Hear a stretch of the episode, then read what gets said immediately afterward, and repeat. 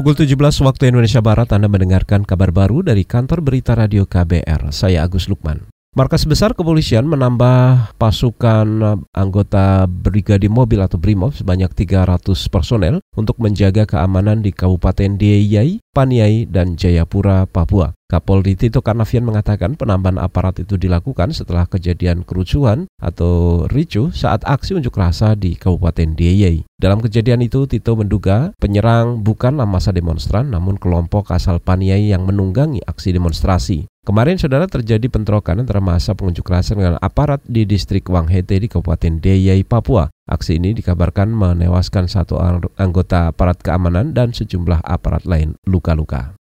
Komite Nasional Papua Barat KNPB menyebut pemblokiran akses informasi atau internet dan penambahan aparat di Papua melanggar hak asasi manusia. Juru bicara KNPB Ones Suhiniap mengatakan langkah pemerintah tersebut justru merupakan diskriminasi terhadap hak rakyat Papua. Jadi kemungkinan besar mengirimnya eh, ribuan personel organik maupun non-organik eh, pelanggaran HAM dan tindakan kekerasan aparat terhadap rakyat Papua akan berjalan secara masif karena tidak dikontrol. Juru bicara Komite Nasional Papua Barat Ones Suhiniap mengatakan mengatakan rakyat Papua menuntut agar pemerintah memberikan referendum kemerdekaan. Ones menilai rakyat Papua tidak layak hidup di NKRI karena ungkapan rasisme yang masih dirasakan rakyat Papua sampai saat ini.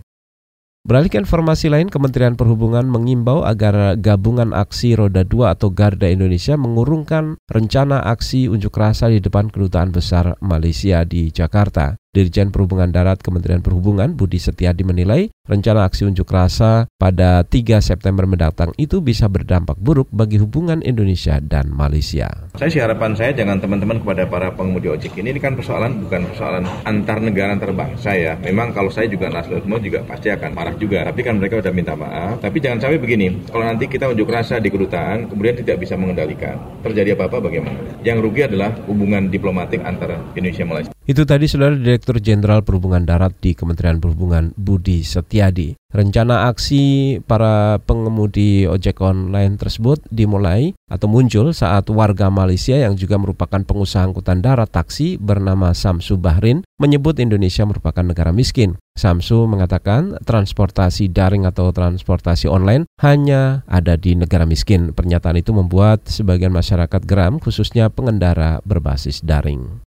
Kementerian Luar Negeri menjamin perlindungan tenaga kerja Indonesia atau TKI yang berstatus ilegal. Direktur Jenderal Protokol dan Konsuler di Kementerian Luar Negeri, Andri Hadi mengklaim tidak membedakan hak perlindungan TKI yang ada di luar negeri. Tapi ketika kita bicara soal isu perlindungan, kita tidak membedakan itu. Tidak membedakan mana yang ilegal, mana yang eh, legal. Itu perlindungan yang pertama yang dikedepankan adalah kita harus melindungi warga Indonesia, status apa pun mereka gitu ya. TKI tersebut itu ilegal, berarti kan perlindungannya itu kan lemah Pak. Tidak dia tidak memiliki kadang-kadang kontrak yang jelas dengan majikannya tapi begitu dia legal kan semuanya diatur perlindungannya itu oleh negara ya. Direktur Jenderal Protokol dan Konsuler di Kementerian Luar Negeri Andri Hadi mengatakan TKI tidak berdokumen atau TKI legal paling banyak bekerja sebagai pekerja rumah tangga. Sementara dari data yang dihimpun Kementerian Luar Negeri, jumlah TKI yang sah atau berdokumen di seluruh dunia mencapai 2 juta orang. Dari 50 persen jumlah itu berada di negara Malaysia. Demikian saudara kabar baru dari KBR. Saya Agus Lukman.